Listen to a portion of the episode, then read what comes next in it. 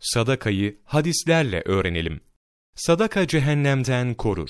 Velev ki bir hurma parçasını sadaka olarak vermekle ateşten sakının. Eğer bunu da bulamazsanız, güzel kelime, tatlı dille o ateşten korunun. Sadaka, gadabı söndürür. Sadaka muhakkak, Rabbin gazabını söndürür, kötü ölmeyi önler. Nafaka da sadaka hükmündedir. Kişi sevabını umarak ailesinin nafakasının temin edince, bu onun için sadaka olur. Yani ona sadaka sevabı yazılır. Sadakayı geciktirmemeli. Sadaka vereceğin zaman geciktirme. Sadakayı cariye. İnsan ölünce ameli kesilir. Yani sevap ve günahtan yapacağı bir şey kalmaz. Ancak şu üç neviden olanlar müstesnadır. 1. Daima akan, öldükten sonra da devam eden sadaka. 2.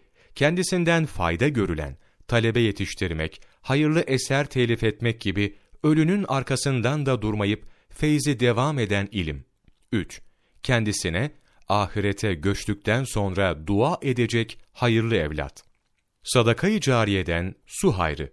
Sadakanın en faziletlisi, üstün derecelisi su içirmektir. Su vermek, su hayrı yapmaktır.